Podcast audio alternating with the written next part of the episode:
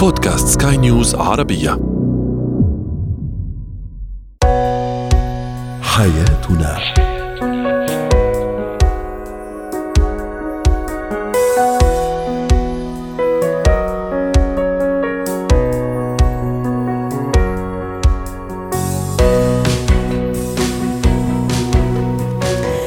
مستمعينا الكرام أهلا بكم معنا إلى حياتنا فضاؤكم اليومي الذي يعنى بشؤون الأسرة وباقي الشؤون الحياتية الأخرى والذي يمكنكم الاستماع إليه عبر منصة سكاي نيوز عربيه dot com slash podcast وباقي منصات سكاي نيوز العربية الأخرى. شاركونا عبر رقم الواتساب 00971 561 886223 معي أنا أمال شاب. اليوم نتحدث عن فارق العمر المثالي بين الزوجين. أيضا الإساءات التي يتعرض لها الطفل في البيت والمدرسة كيف تؤثر على سلوكه وعلى شخصيته. وأخيرا إتيكيت الجروبات السياحية. هو وهي. يقال إن العمر هو مجرد رقم لأن العمر الحقيقي بما ينجزه الشخص بحبه للحياة بإيمانه برسالته في هذه الحياة. هل الأمر كذلك بالنسبة لفارق العمر بين الزوجين؟ هل هو فعلا مجرد رقم أم على العكس من ذلك؟ فارق العمر يصنع فرقا فعلا في هذه العلاقة إما بنجاحها أم التعجيل لا سمح الله في انهائها أو انتهائها. للحديث عن هذا الموضوع رحبوا معي بلما الصفدي الاختصاصية النفسية والأسرية ضيفتنا العزيزة يسعد أوقاتك أستاذة لما أهلا وسهلا فيك ومع سؤالنا التفاعلي اليوم ما هو فارق العمر المناسب بين الزوجين ولماذا؟ تعليقات كثيرة في الحقيقة. تعليق يقول خمسة أعوام، تعليق آخر علي لا يوجد فارق في السن مناسب أو معين في الحب فالحب لا يعرف عمر. تقارب في الأفكار ونفس الاهتمامات لم يعد للعمر أهمية إذا كان أكبر أو أصغر الأصغر آه عمر يقول العمر ليس مقياس بين طرفين متفاهمين. هذا على منصتنا على تويتر. نروح لإنستغرام. آه تعليق يقول لا يوجد رقم ثابت فهو متغير معتمد على الفئة العمرية للطرفين.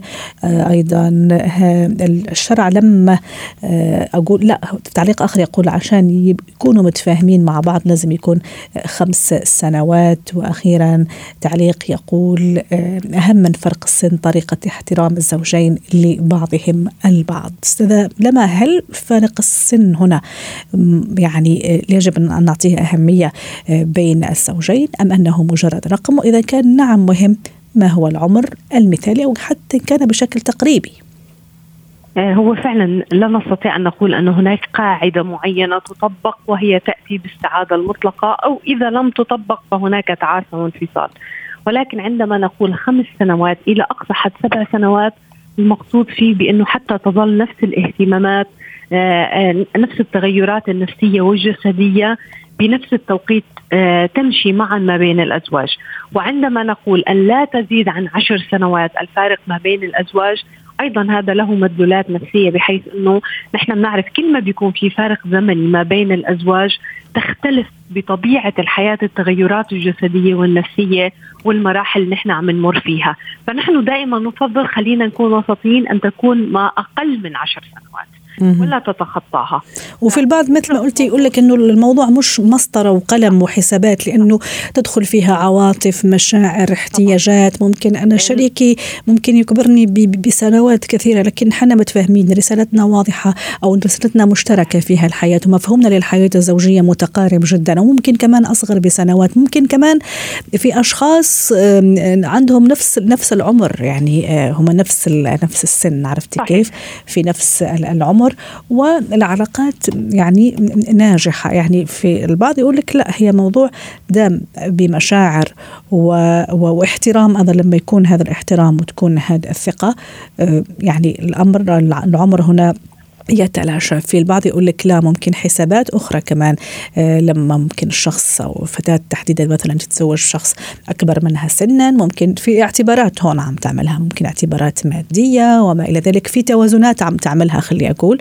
أي آه، في فرق كبير لكن في المقابل ممكن هي مؤمنة ماديا خلي أقول اقتصاديا. هذا الشخص خلاص يعني عمل آه، يعني كارير معينة عمل وضعية اقتصادية معينة فخلاص يعني شيء مقابل شيء. هذا ما يقوله البعض. أكيد. هو الموضوع يمكن يلخص بطبيعة الشخصية. نحن ممكن نشوف شخصين بعمر العشرين شخص مسؤول وملتزم عنده طموح عنده أهداف وممكن نشوف شخص عمره 20 سنة ممكن يكون لا مبالي بالحياة ما عنده أهداف غير قادر على تحمل المسؤولية. فهذا هو عامل جدا مهم بنجاح حتى الزواج والفارق العمر. لأن نحن ممكن نشوف بأنه فتاة مثلا في فارق عمر عشر سنوات بينها وبين زوجها أو 15 سنة ولكن هي عندها نتيجة التربية البيئة هي شخصيتها متوافقة تماما مع المرحلة العمرية اللي هو موجود فيها. أو العكس صحيح. هذا جدا مهم الخبرات اللي نحن بنعيشها كيف بتنعكس على العلاقة ما بين الأزواج. والنقطة الثانية اللي التفاهم البيئي. يعني أنت بتعرفي لو كانوا بيئات مختلفة في بيئات بتفضل فارق العمر في بيئات ما بتحب حتى يكونوا بنفس المرحلة العمرية وفي بيئات بترفض أنه الزوجة تكون أصغر من زوجها. صح. فهذا كمان بيعطي حتى دعم لهي العلاقة. أحيانا يا أما وفي بيئات كمان ترفض وبشدة سامحيني عم تحكي كلام كثير مهم ترفض كمان وبشدة أنه الزوج يكون أصغر من زوجته. يعني الفارق العمر ليس فقط أنه الزوج يكون صحيح. أكبر منها بسنوات قد يكون أيضا أصغر منها وتكون هي أكبر منه أيضا بسنوات. صحيح. وليش نحن اليوم عم نحكي بالموضوع؟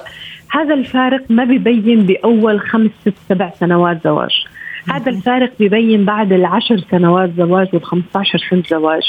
هون بيبتدي فرق العمر يظهر يعني أنا أعطيكي مثال. إحدى الحالات اللي شفتها مثلا انفصلوا بعد تقريبا 20 سنة زواج كان السبب بأنه الزوجة هي صارت بمرحلة عمرية حاسة نفسها ما زالت نشيطة طموحة عندها أحلامها هي لسه هلأ صارت بعمر يعني حاسة نفسها يمكن بالثلاثينات وهي ما زالت يعني عندها. نعم. والرجل صار بمرحلة عمرية حاس حاله صار بمرحلة التقاعد مرحلة الاستقرار آه، ما بده يسافر ما بده يجي وصلوا لطريق مسدود لأنه هذا العمر بدا فعلا بعد ما كانوا وصلوا ل 20 سنة الزواج صار بينت الفروق أكثر بينهم. فنحن دائما ما نحكم على العلاقة بفارق العمر بأول سنوات. بتبين فعلا هي بعد سنوات عديدة هذا الفارق بيظهر. بهذا المكان. هلا في ناس تقول بأنه الزوجة أحيانا هي آه، آه، يعني ممكن الزوجة تكبر أكثر في العمر أو يظهر عليها العمر أو نحن يمكن بنعرف حتى آه، سن الأمل على الأربعين. هي أنا بعتبرها حاليا هي لم تعد حقيقة. بالعكس أنا بعتبر هو سن الأمل والإنسان قادر يجدد طاقته وفرق العمر. لو كانوا شخصين عندهم نية فعلا انه هم يتجوزوا قادرين فعلا. بس أهم سن الأمل حضرتك اللي يطلق عليه سن اليأس عم نعم. تطلق عليه سن الأمل. آه صحيح فنحن النية يعني اثنينهم يكون عندهم نية لإنجاح العلاقة.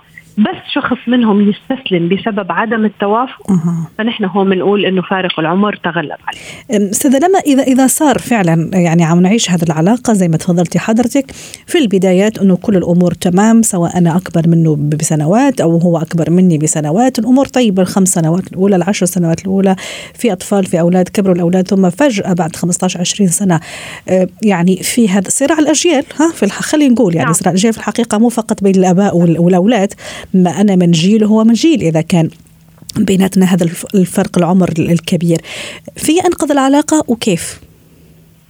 هون بهالمرحلة لما نصير هون بهالمكان اللي هي صار خلص فرق العمر صار هو محور المشكلة تنازل أحد الأطراف م. يا أما الشخص اللي هو الأكبر في العمر هو أحيانا بالعكس بيكون بقرر إنه هو يساير الطرف الأصغر أو الأصغر بيكبر من حياته ممكن أحيانا يتخلى عن أحلام طموحات وهي بنشوفها يعني هون م. لابد من التنازلات التنازل واحيانا بيكون للأسف أحد الأطراف. ولكن نحن اليوم نعطي نصيحة بأنه بدل ما يكون تنازل أحد الأطراف منذ البداية نحن نكون فعلا نقيم العلاقة بأنه هل أنا على استعداد انه يكون هذا فارق العمر 10 أو 15 سنة بيني وبين الطرف الآخر؟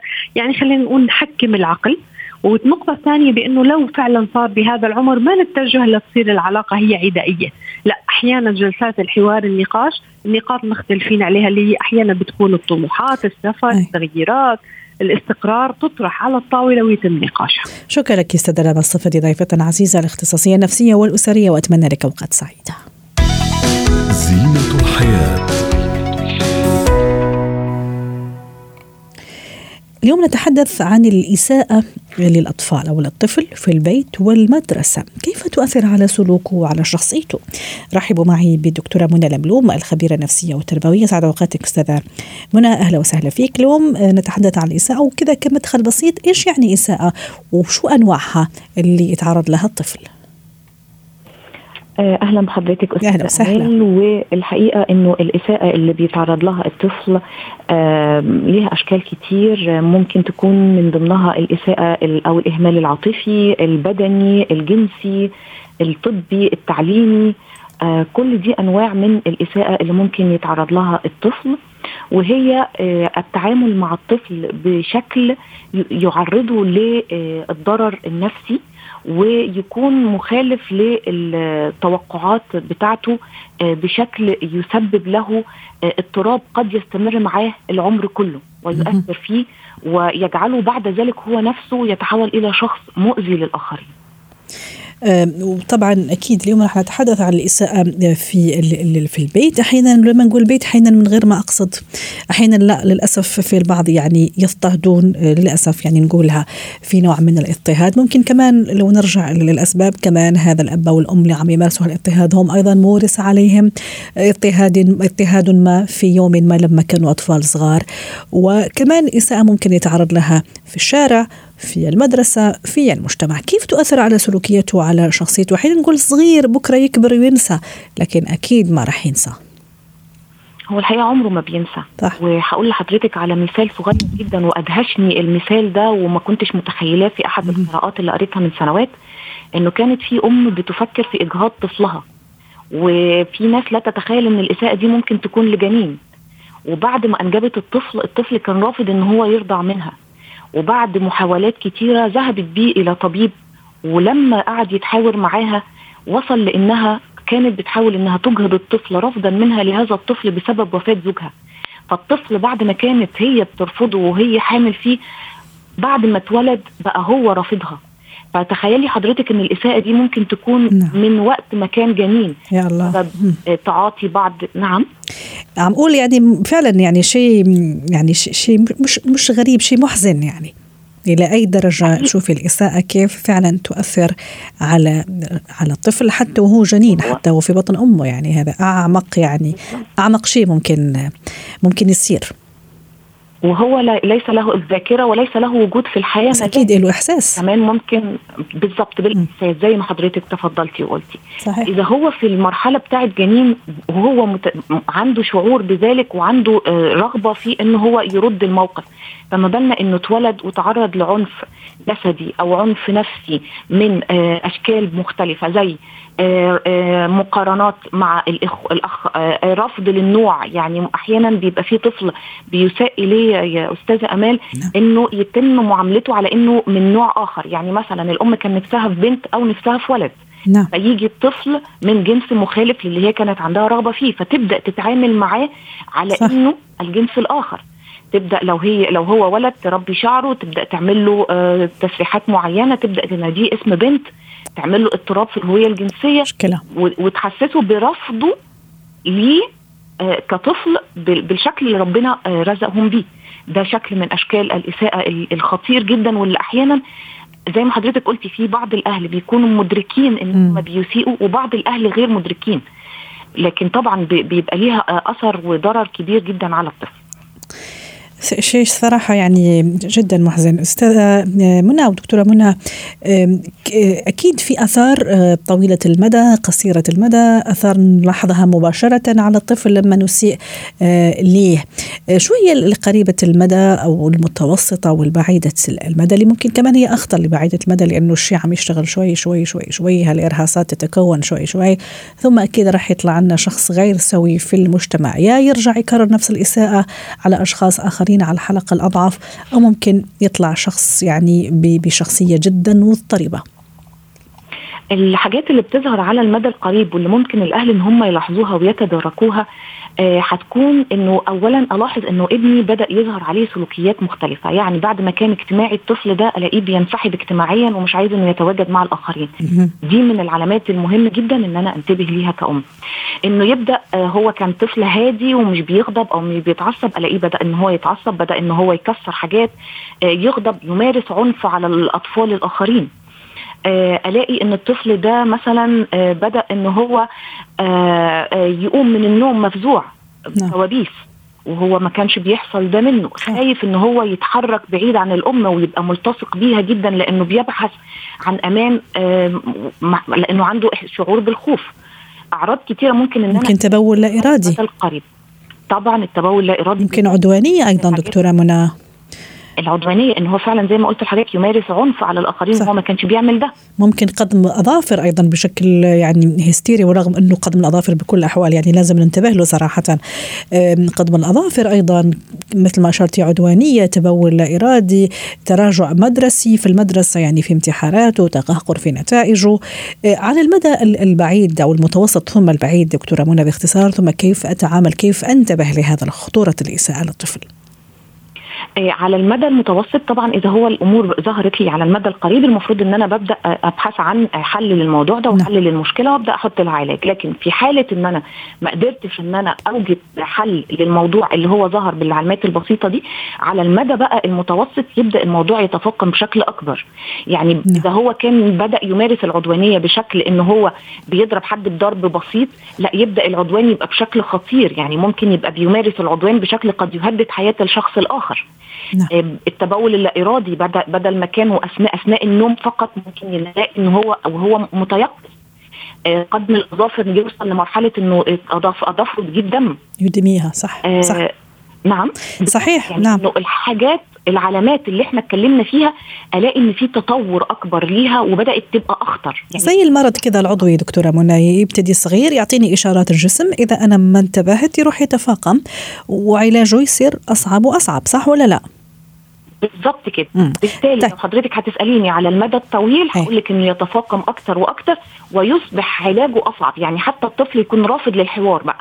يعني نعم. أنا كان ممكن في المرحلة المتقد... المبكرة دي إن أنا أقعد أتكلم معاه ونحل يبقى في المرحلة المتأخرة دي هو حتى رافض الحوار ورافض الحل ورافض العلاج خاصة إذا خلص شخصيته اكتملت نموها اكتمل خلاص كبر عدى المراحل الطفولة الأولى أكيد راح يصير الأمر صعب لكن مش مستحيل دكتورة بنقاط كذا مختصرة كيف كيف الحل الحل إنه أول حاجة إنه أبدأ أكون كأم وكأب بلاحظ ابني من البداية علشان ما يتفاقمش الموضوع. نعم. إحنا هنتكلم في المرحلة الأولانية. وهعمل إيه؟ هبدأ الأول إن أنا أتحاور مع الطفل أعرف السبب بتاع المشكلة قدرت أتعالج أو أو أعالج الموضوع بنفسي بتعامل ما قدرتش بروح لحد اختصاصي. طب الموضوع تفاقم لشكل كبير لازم هيكون في اختصاصي متدخل. معايا لأن ساعتها أنا مش هقدر إن أنا أتعامل مع الموضوع لوحدي لأنه بالظبط يا دكتور يا أستاذة أمال بيبقى زي المريض اللي خلاص هو لازم له عملية جراحية. يعني صح. إذا هو في الأول كان ممكن ياخد دواء والأمور تتحسن والأم تبقى بتديله الدواء والدكتور هو اللي واثق العلاج بعد كده بيبقى محتاج زي التدخل الجراحي والتدخل الجراحي لا يقوم به إلا الطبيب وبالتالي التدخل السلوكي والنفسي لا يقوم به إلا الاختصاصي. وأنا أقول كمان دكتورة منى حتى نختم مع حضرتك اليوم هذا اللقاء المسؤولية الأولى والأخيرة في هذا الموضوع علينا آباء أمهات مجتمع أسرة مدرسة نعترف كمان لما نسيء للطفل أنه ترى إحنا أسأنا يعني ونتدارك الموضوع لأنه ممكن أحيانا أنا وأسيء أقول عادي مثل ما عشان يكبر لا والله هو مضخم الأمور هو شوي حساس ابني هو شوي خجول لكن لا أكيد لازم نعترف كآباء وامهات ممكن أنا أخطأت في حقه لا مانع إني أرجع أتدارك نفسي لا مانع إني أعتذر وأكمل أعتذر. مع ابني تماما حتى تكون هذا الشخصية السوية والسليمة في المجتمع. شكرا لك دكتورة منى سعدتيني اليوم أتمنى لك أوقات سعيدة.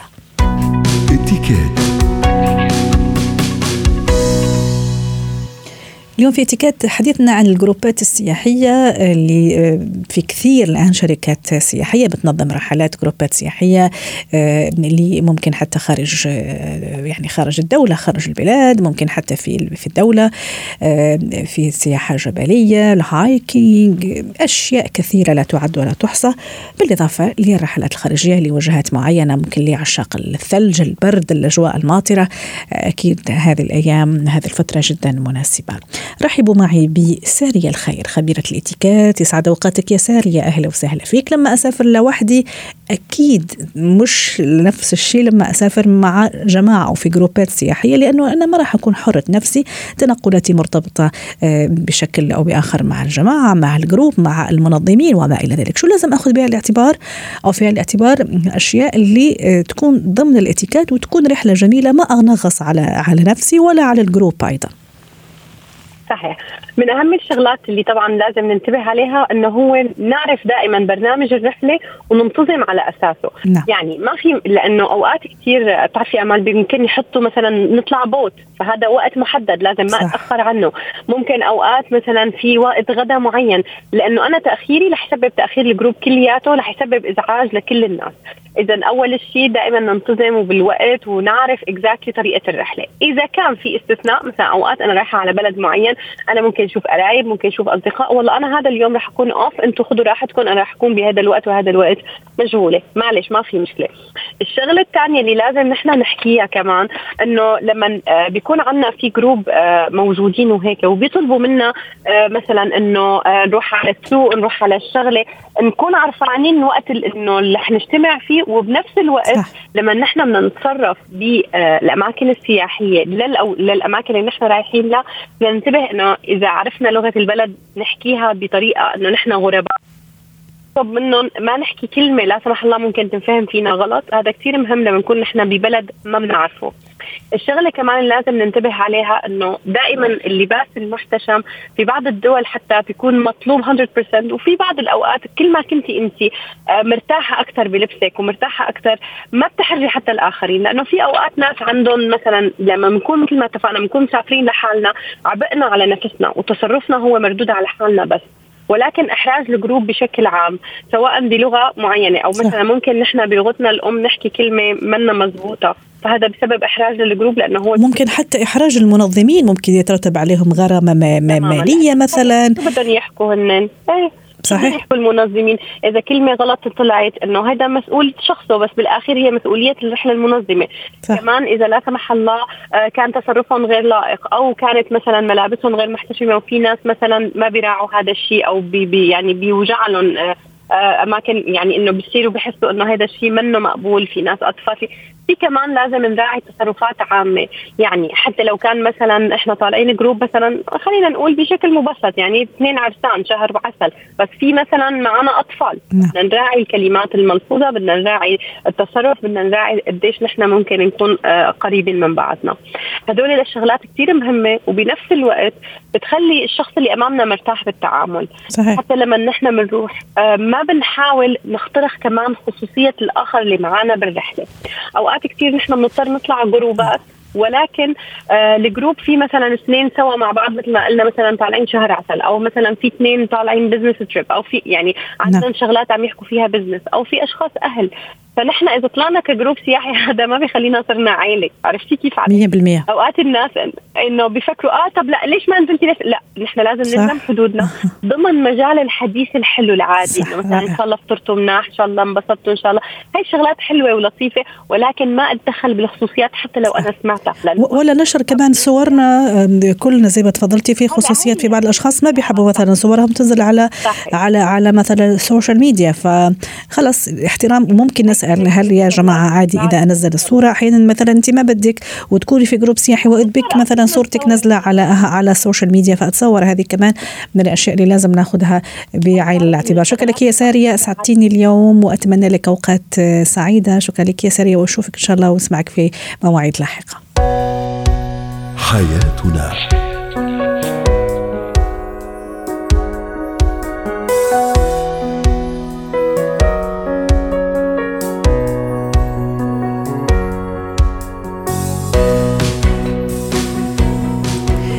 حلقة اليوم من حياتنا شكرا لكم وإلى اللقاء.